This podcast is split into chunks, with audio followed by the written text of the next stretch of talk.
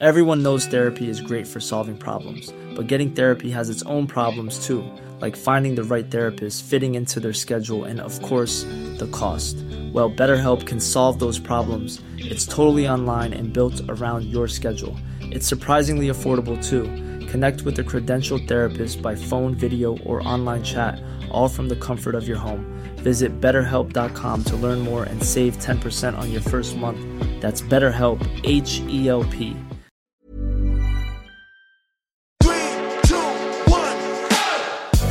Introducing Dogfish Head's new canned cocktails.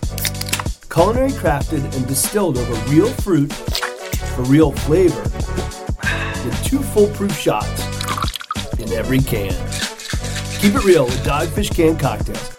Find your new favorite Dogfish canned cocktail at dogfish.com. Dogfish Head Distilling Company, Milton, Delaware. Please drink responsibly.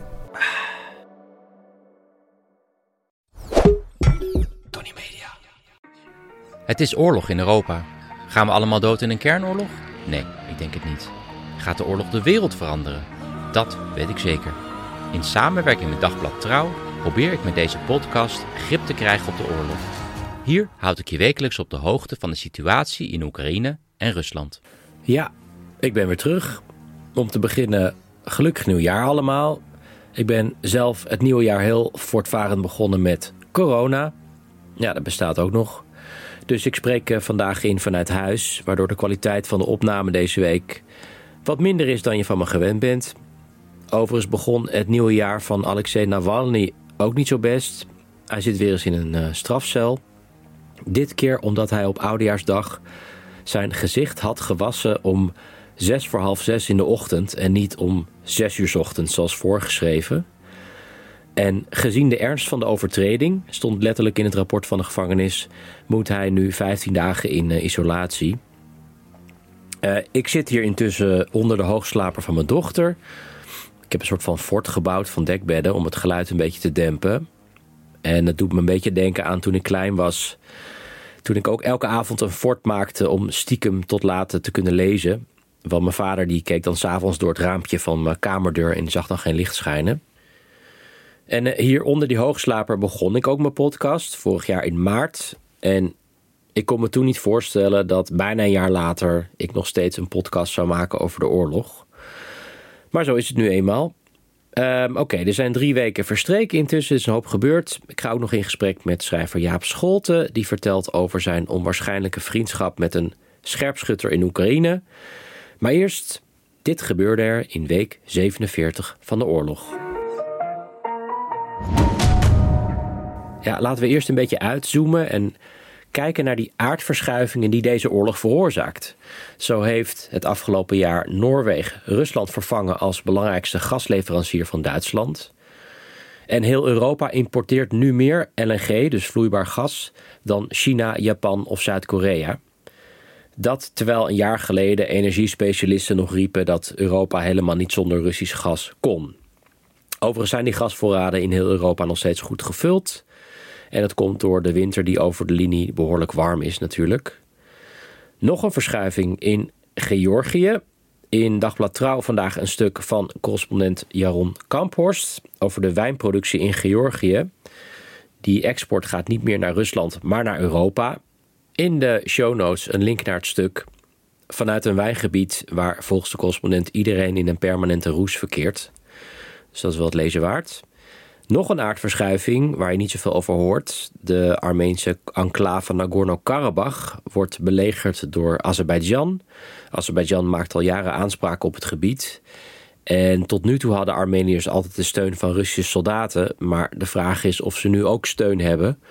Want de Russen hebben natuurlijk hun handen vol aan Oekraïne. Waar de oorlog natuurlijk, zoals jullie weten, nog volop aan de gang is. Van een winterstop is geen enkele sprake.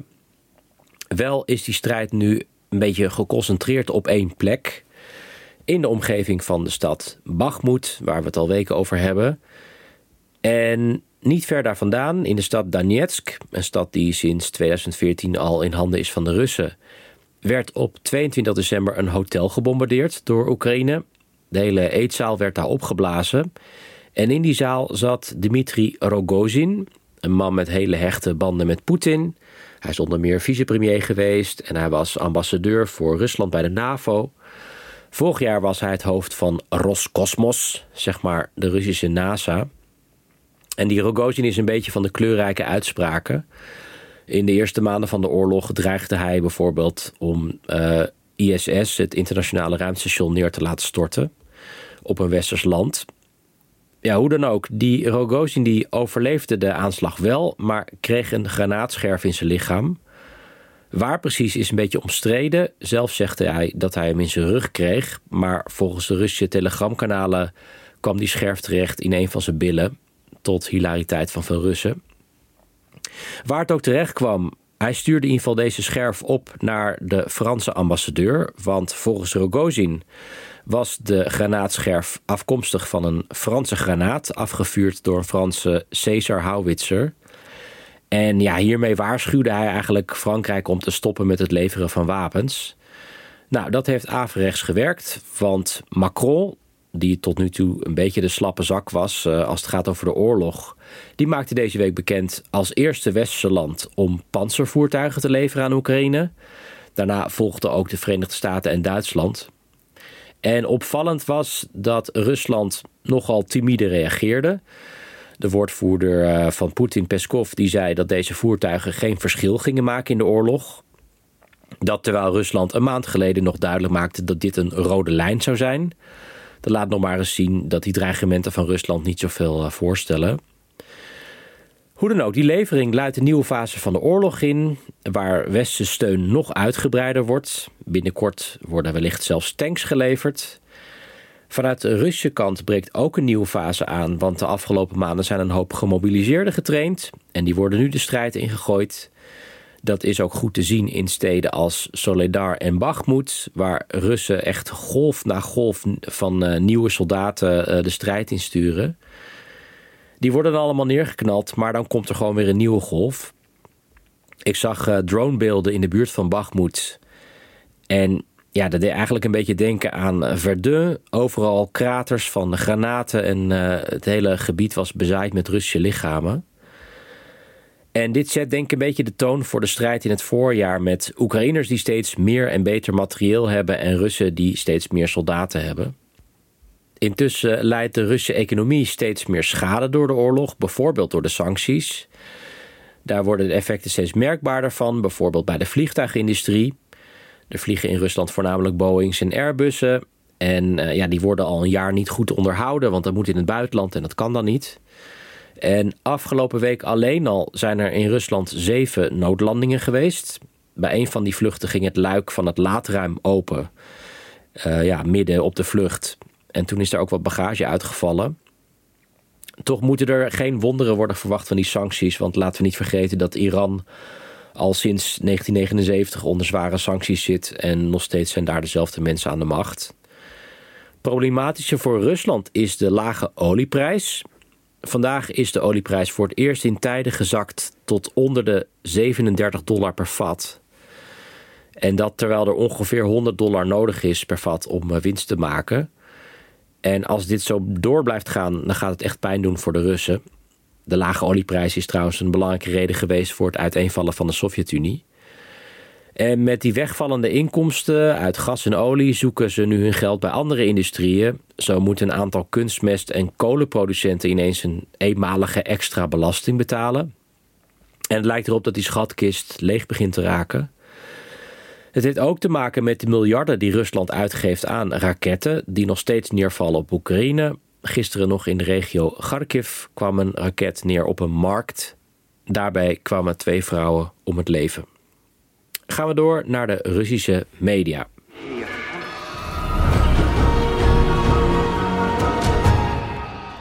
Ja, zoals verwacht is er de afgelopen weken weer een aantal mensen uit het raam gevallen of op een andere verdachte manier om het leven gekomen. Ik doe even op volgorde van medium verdacht naar superverdacht. Gisteren ging Pavel Kamnev, de ontwerper van de Kaliber-raket, dood. Dat is de raket die voor zoveel dood en verderf zorgt in Oekraïne. Die Kamnev die was directeur van een groot militair industrieel complex. Maar goed, hij was 86, dus dat zegt ook niet alles. Op kerstavond ging Alexei Maslov dood. Een hoge militair die leiding gaf aan Ukr Wagonzavod, een fabriek waar veel tanks worden gemaakt. En twee dagen voor zijn dood zou Poetin de fabriek komen bezoeken. Maar dat bezoek werd op het laatste moment afgeblazen. En een dag eerder, op kerstavond, kwam een oligarch om het leven. Het gaat om Pavel Antov. Beetje bekend als de worstenkoning. Hij is rijk geworden met het verkopen van uh, worsten. Zijn dood was echt klassiek, met dus ja, echt een val uit het raam. En deze zomer, na het zoveelste bombardement van de Russen op burgers in Oekraïne, omschreef deze Antov de aanslag op zijn social media als terreur. Later zei hij dat het een technische fout was en dat hij eigenlijk wel Poetin steunde. Technische fout, oké. En die Antov was op vakantie in India met een vriend, ook een zakenman. En twee dagen voor zijn dood ging die vriend ook al dood. Volgens de Indiase politie door een hartaanval. Zijn kamer zou bezaaid zijn geweest met flessen drank. Lege flessen drank. En die Antov die sprong dus twee dagen later uit het raam. Of hij viel uit het raam. In ieder geval volgens de politie sprong hij. Had hij zelfmoord gepleegd omdat hij verdrietig was over de dood van zijn vriend. Ik vind het echt heel knap dat de Indiase politie in het hoofd kan kijken van iemand op het moment dat hij uit het raam valt. Maar goed. Intussen, in het parallel universum van de Russische televisie, was het een en al gezelligheid op oudejaarsavond. Die televisie voert al maanden strijd tegen alles wat westers is en hamert erop dat Russen aan Russische cultuur genoeg hebben. En ik laat je even een stukje horen van een show op oudejaarsavond van een zeer niet-westers, zeer Russisch lied.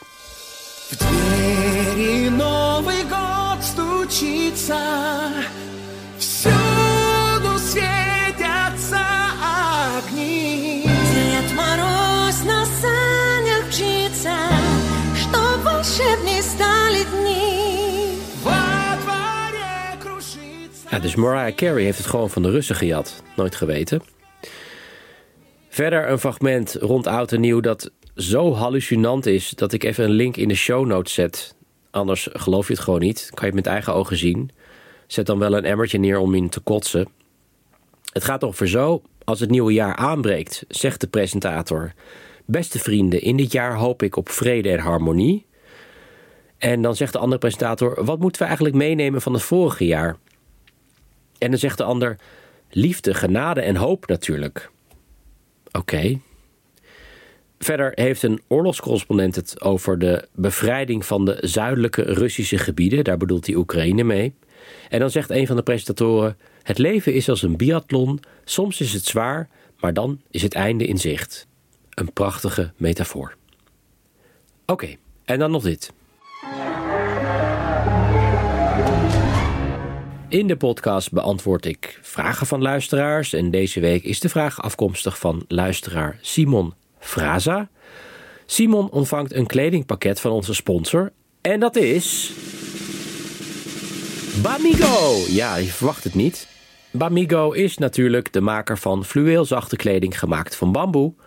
Ik heb even op de site van Bamigo gekeken en je krijgt nu ook nog eens een mooie sjaal cadeau als je meer dan 150 euro besteedt. Verder las ik op de site dat de bamboesoort die wordt gebruikt voor kleding niet gegeten wordt door panda's. Daar halen ze hun neus voor op. Dus het zorgt niet voor hongerige panda's. Dat vind ik ook heel rustgevend. Uh, hoe dan ook, de vraag van Simon luidt: Wonen er door de Sovjetpolitiek veel Oekraïners in Rusland en spelen zij een belangrijke rol in de oorlog? Nou, dat is een hele goede vraag. Oekraïners uh, vormen een van de grootste etnische minderheden in Rusland. Er wonen naar schatting 2 miljoen Oekraïners in Rusland. En een paar honderdduizend van die Oekraïners die zijn afkomstig uit de Donbass. Die zijn dan naar Rusland gekomen sinds 2014, sinds daar gevochten wordt. Maar een flink aantal kwam ook in Rusland wonen tijdens de Sovjet-Unie, of daar zelfs daarvoor al, uh, toen Oekraïne deel uitmaakte van het Russische Rijk. Bijzonder is de geschiedenis van Groen Oekraïne, een gebied van 1 miljoen vierkante kilometer in het verre oosten van Rusland, zeg maar bij Noord-Korea in de buurt. Daar kwam een grote groep Oekraïners, kolonisten, wonen, nog in de tsarentijd. En in de chaos van de Russische revolutie hebben die Oekraïners ook geprobeerd hun eigen republiek uit te roepen, Groen Oekraïne, maar dat is nooit gelukt. Hoe dan ook, veel Oekraïners dus in Rusland. En het is interessant om te zien hoe deze Oekraïners naar de oorlog kijken. Nou, een flink aantal van hun steunt Poetin. Dat zijn vooral de Oekraïners die zijn gevlucht uit de Donbass. En zij zien Poetin als de enige die voor hen opkomt. Maar evengoed zijn er veel Oekraïners die de oorlog verschrikkelijk vinden. En zich soms daar ook over uitspreken, soms met grote gevolgen. Op de Russische journalistieke site Golot las ik een interessant stuk over een uh, leraar op een middelbare school op het eiland Het stuk is in het Engels, ik zal een link in de show notes zetten. En dat eiland ligt helemaal aan de andere kant van Rusland in de Stille Oceaan. Shikotan klinkt niet echt Russisch en dat komt omdat het Japans is. Het eiland maakt onderdeel uit van de Kurilen, een eilandengroep die bezet is door de Sovjet-Unie na de Tweede Wereldoorlog en nooit is teruggegeven omdat de Sovjet-Unie en daarna Rusland en Japan nooit formeel een einde aan de Tweede Wereldoorlog hebben ondertekend. Technisch gesproken zijn die twee landen dus nog met elkaar in oorlog. Nogal bizar. Ook daar rommelt het nu trouwens. Japan, uh, in Japan gaan steeds meer stemmen op om de Kurilen terug te nemen. Sommige Japanners ruiken hun kans nu de Russen hun handen vol hebben in Oekraïne. Hoe dan ook, op dat eiland wonen 2000 mensen en een van die mensen is Gennady Bandarenko leraar biologie en scheikunde. En die Bandarenka die groeide op in Oekraïne, in het dorp Kijinka. En begin jaren 90 begon hij op de Kurilen te werken, maar daarna ging hij terug naar Oekraïne. Maar na een aardbeving op Shikotan in 1994 eh, ging hij terug naar het eiland om het weer, ja, weer te helpen op te bouwen. Dat vind ik dus heel erg goeig. En op 19 maart, dus in de eerste weken van de oorlog, kreeg Bandarenko bericht dat zijn geboortedorp Kijinka was gebombardeerd.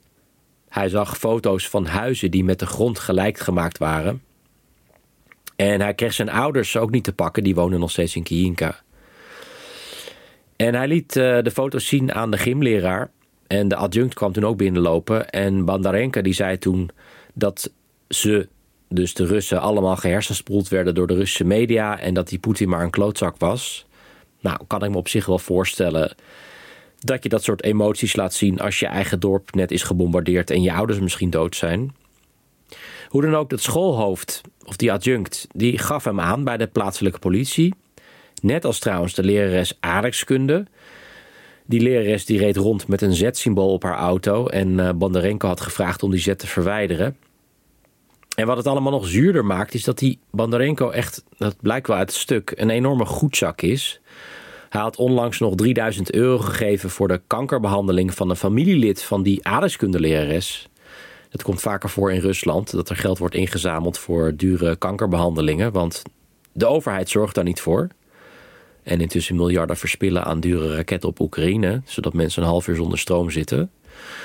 Maar dat terzijde. En verder had hij onlangs ook nog een kraan vervangen bij de adjunct thuis. In al zijn goedheid. En ja, nu ga ik echt bijna huilen. Deze Bondarenko, die had ook een deel van zijn tuin gewijd uh, voor telen van wortels. Die hij elk jaar uitdeelde onder medewerkers op school. Nou ja, ongelooflijk. En om dan je collega te verlinken, terwijl zijn huis dus, of zijn huis van zijn ouders net is gebombardeerd, dat gaat echt mijn begrip te boven. Hoe dan ook, die Bondarenko is nu zijn baan kwijt. En hij zit dus gestrand op dit eiland op 7.500 kilometer van zijn geboortedorp. Oekraïne kan hij ook niet meer in, want sinds kort is er een visumplicht voor uh, mensen die uit Rusland komen. En ja, dat laat zien in wat voor onmogelijke situaties veel Oekraïners in Rusland zitten. Uh, Simon, in ieder geval bedankt voor je goede vraag. Nou, jullie weten het intussen. Als je ook een kledingpakket van Bamigo wil krijgen, mail mij dan met een goede vraag. Even een tip: hoe concreter de vraag, des te beter. Het mailadres staat in de show notes. En je kan natuurlijk zelf ook je kleding bestellen, natuurlijk bij Bamigo. En als luisteraar van deze podcast krijg je ook nog eens een dikke vette korting van 25%. Dat is best welkom, denk ik, in deze tijden van inflatie. Voer bij het afrekenen dan kortingscode Jelle25 in. Ik wilde zeggen, bij mij in de studio zit schrijver Jaap Scholten, maar ik zit natuurlijk vanwege corona thuis. Jaap zit wel in de studio. Welkom daar in ieder geval. Jaap. Ja, Mooi hier te zijn. Mooi zo. Voor we gaan hebben over je boek. Uh, je komt net terug uit Oekraïne. Of net. Je zat daar volgens mij in december. Maar wat heb je daar uitgesproken? Ja, ik ben er drie keer geweest. Ik heb vooral spullen gebracht en een uh, sniper gehaald. Um...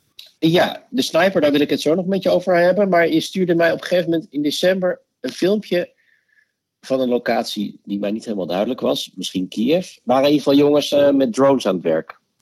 Ja, ja ik ben uh, eigenlijk van het begin af aan bij die oorlog betrokken geweest. En ik heb heel snel de conclusie getrokken dat het meest humanitaire wat je kan doen is het leger helpen.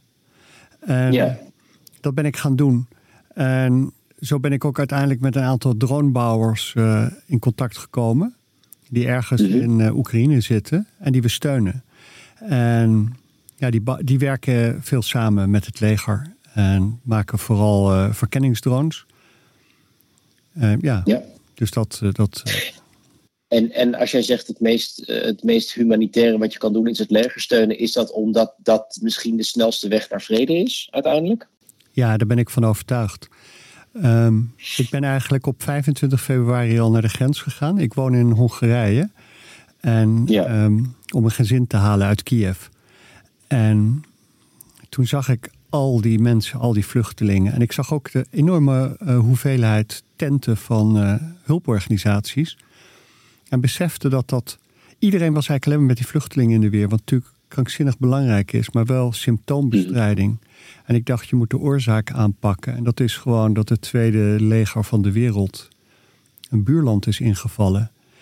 En dus in, ongeveer de tweede week ben ik begonnen met te proberen het leger te helpen.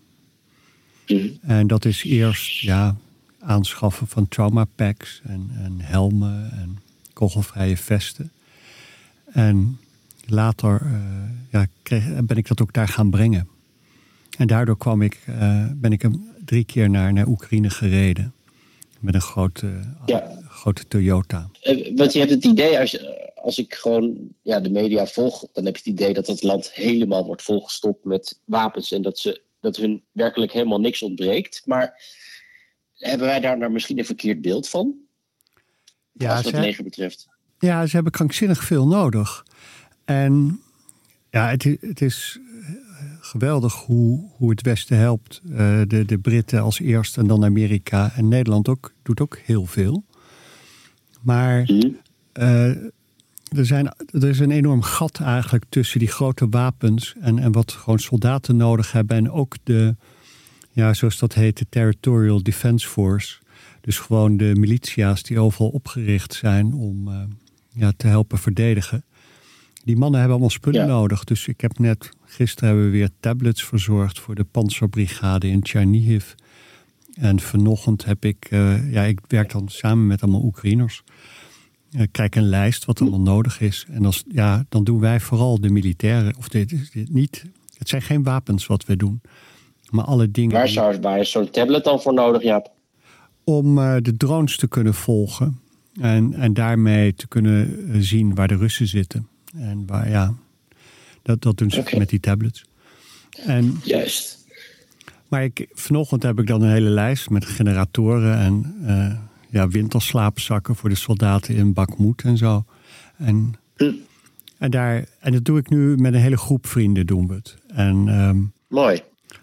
En het, ja, het, het is natuurlijk een druppel op een gloeiende plaat. Maar, en ook vooral toen ik het ging brengen, merkte ik hoe krankzinnig belangrijk het is voor ja, voor de, moreel, uh, de moraal van, van de soldaten. Om het idee dat ze geholpen worden. Dat er een stel mensen in Nederland hmm. zijn die, uh, die hen willen helpen. En, uh, ja, dus Misschien dat, net, net zo belangrijk dan de spullen zelf. Absoluut, want ik denk dat het is vooral wilskracht waarmee een oorlog wordt gewonnen. Ja, Hey, ja, je schreef um, ook een boek over jouw reizen. Um, om te beginnen vrij vroeg in de oorlog. Je vertelde het al uh, ging je naar de grens met Oekraïne om vluchtelingen op te pikken. En je raakte steeds meer betrokken in die oorlog. En later maakte je daar dus ook reizen naartoe. En gelukkig heb jij dagboekaantekeningen gemaakt. Wat leidde tot een boek dat ik echt heb verslonden. Het is, het is een aanrader vooral omdat je eigenlijk een relatieve buitenstaander bent. Je bent geen slavist, je bent geen oorlogsjournalist. En jou vallen volgens mij echt andere dingen op die, die ook trouwens helemaal niks met de oorlog te maken hebben vaak. Dat vind ik heel grappig. Je had volgens mij ergens gezien, volgens mij was dat Lviv, dat mensen sneller liepen. Ja. Dat vond ik een heel leuk, heel leuk detail.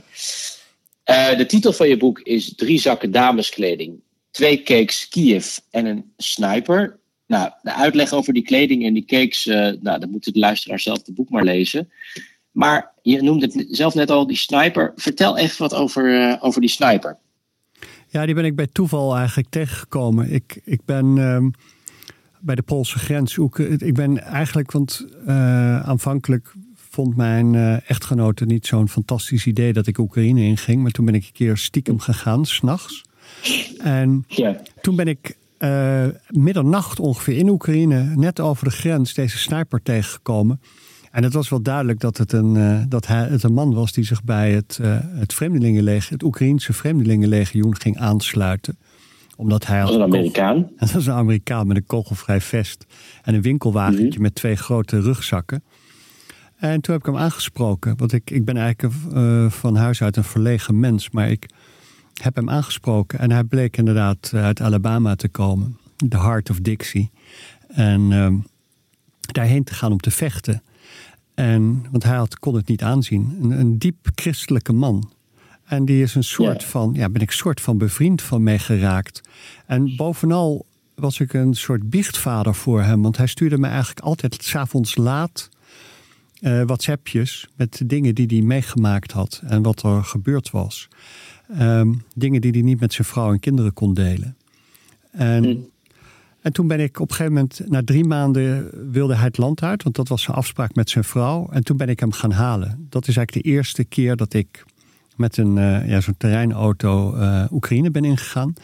En toen heb ik een kleine week met hem rondgereisd. Nou, en dat was ja, hij vertelde hoe het aan het front ging. Hij vertelde de meest prachtige details. Dat iedere brigade een eigen kat heeft in de loopgraven om de ratten en de katten, of de ratten en de muizen te vangen.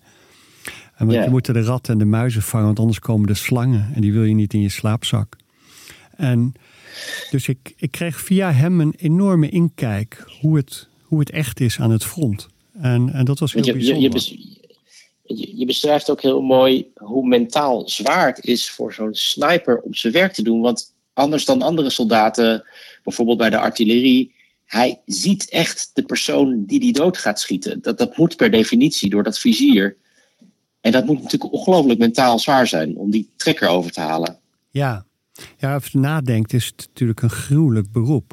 Uh, ik heb nooit, ik heb geen enkele gevechtservaring. Ik ben een totaal groentje in oorlog. Um, maar je, je, kan je voorstellen, wanneer iemand op jou schiet, dat je terugschiet. Maar het feit dat je alle tijd hebt om iemand in het vizier te krijgen. En op ja, over het algemeen 500, 600 meter afstand schoot hij uh, ja, officieren. Hoe hij, hoe Neil, hoe die sniper dat deed, is vooral. Want natuurlijk, de, beste uh, is wanneer je anderen wil gaan vermoorden, is te ontmenselijken. Uh, dus hij, zag, hij ziet de Russen puur als. Hij had het ook voortdurend over dat dit alleen maar verkrachters en plunderaars en moordenaars zijn. Wat natuurlijk ook wel vrij dicht bij de waarheid zit. Niet al de Russische soldaten zijn natuurlijk schoften, maar wel, het is wel duidelijk in deze oorlog dat het systematisch en stelselmatig is dat, dat er overal martelcentrales worden opgericht en vrouwen worden verkracht en kinderen worden ontvoerd. Dus het is, uh, ja, dat is wel het systeem van het leger. En dat gaf hem ook de mogelijkheid om daarmee te leven. Want het idiote was dat hij zegt. Want hij heeft in Irak en Afghanistan gediend. Deze, het is een marinier, ex-marinier. Hij zei: Oekraïne is voor mij een, ja, een bevrijding geweest. Ik ben als 18-jarige bij de US Marine gegaan om het kwaad te bestrijden. En hier heb ik het idee dat ik dat echt gedaan heb. Ik heb hier het kwaad kunnen bestrijden. En in andere landen was dat vaak veel vager en veel gruwelijker. Maar hij heeft, ja, hij heeft dus diep. In andere landen wist hij eigenlijk niet waar hij het om deed. Nee, plus dat met name in Irak vaak uh, die bomauto's die op je inrijden, daar zitten vaak hele gezinnen in. En het is gruwelijk om het vuur te moeten openen op uh, kinderen. Eh, is Neil daar nog actief nu? Nee, hij is nu terug in uh, de Verenigde Staten. Maar hij kan niet wachten, net als ik, om terug te gaan. Um, hij gaat weer terug op een bepaald moment in ieder geval. Ja. Oké. En hij wil een eigen sniper-eenheid oprichten. Snipers, dat zijn eigenlijk die mannen die eruit zien als boselfjes. Met helemaal zo camouflage. Die, uh, die niet te, eigenlijk niet te zien zijn. En, ja. en het is zo, zo'n oorlog is in zekere mate verslavend. Het, uh, de, de intensiteit. Ja, daar, daar, wou ik het even met je over hebben, Jaap. Um, want ik wilde een, uh, iets citeren uit je boek. Je schrijft op een gegeven moment: Bij mezelf bemerk ik een raadselachtige bijwerking van de oorlog. Een kant waar ik me bijna voor schaam, maar die ik niet kan ontkennen. Dat het me een prettige vorm van urgentie en richting geeft. Vind ik zelf overigens herkenbaar. Dat kan natuurlijk ook een motivatie zijn, los van natuurlijk het beschrijven van de, van de ellende in dat land. Dat zal de belangrijkste reden zijn. Maar dit kan ook een motivatie zijn voor je interesse in de oorlog. Is dat zo? Ja, nou, ik, ik merk dat ik echt verslaafd ben aan deze oorlog. Dus ik elke dag, ik zit in allemaal van die Telegram groepen. Ja, ik weet, ik heb het niet bijgehouden, maar ik denk dat ik per dag zeker twee uur die dingen zit te bekijken. Weet je, s morgens vroeg en s avonds laat in ieder geval. En ja, dat ik, terwijl, terwijl ik niet zoals jij Russisch kan, ik, ik mhm. toch naar de hele tijd in al die groepen zit te kijken. En ook zelfs gewoon minutenlang kan kijken naar militairen die mij in het Russisch toespreken. Ehm, dus het, er is iets heel raadselachtigs aan. Maar in ieder geval de, ehm, het idee dat ik daar iets doe, dat ik daar help, is ja. Ehm, dat is mooi. En ja. verder, wat er ook uh, verslaafd aan was, is gewoon daar te zijn. Omdat je hele wezen wordt zo wakker. Ehm, in een land in oorlog. Je bent, al je zintuigen zijn zo gespitst. Dat ook Ilonka, mijn vrouw, zei ook toen ik terug was weer in Budapest. Dat ik gewoon nog drie dagen lang was ik een soort, ja. Als er een vuilnisauto langs kwam, dan zat ik alweer rechtop in bed. Het, ehm, je, je bent je bent heel wakker. En dat is helemaal geen onprettige uh, gewaarwording. Dus hier in Nederland kunnen wij natuurlijk gewoon slaapwandelend door het leven gaan. Want eigenlijk alles is gewoon fantastisch geregeld hier. Maar daar niet. Je, en het, ook het andere idiote is hoe ongelooflijk flexibel je bent als mens. En hoe snel eigenlijk alles dat anders is wendt. Dus dat er overal roodbloks zijn, dat er een avondklok is, dat er restaurants gesloten zijn, dat er voortdurend het luchtalarm afgaat. Al die dingen. Je bent na twee dagen, vind je het heel normaal. Alles wendt uiteindelijk. Ja. Ehm, je beschrijft ook ontzettend mooi in je, in je boek hoe dat, hoe dat wendt voor de Oekraïners ehm, en wat je daar allemaal uh, beleeft. Uh, ik raad het iedereen aan om te lezen. Dankjewel Jaap Scholten. Dankjewel. Jaap. Um, het, boek, het boek Drie zakken dameskleding, twee cakes Kiev en een sniper ligt in een boekhandel bij jou in de buurt. Dit was het voor deze week. Binnenkort vertrekt Jaap weer met een nieuw transport met spullen voor het leger. Wil je hem nou steunen, dan kan dat via de site protectukraine.nl. Natuurlijk staat er ook een link naar de site in de show notes. Daar kan je dan een donatie doen. Dit was het voor deze week. Ik mag vanaf morgen weer naar buiten. Hoera! Dus volgende week zit ik gewoon weer in de studio. Tot dan.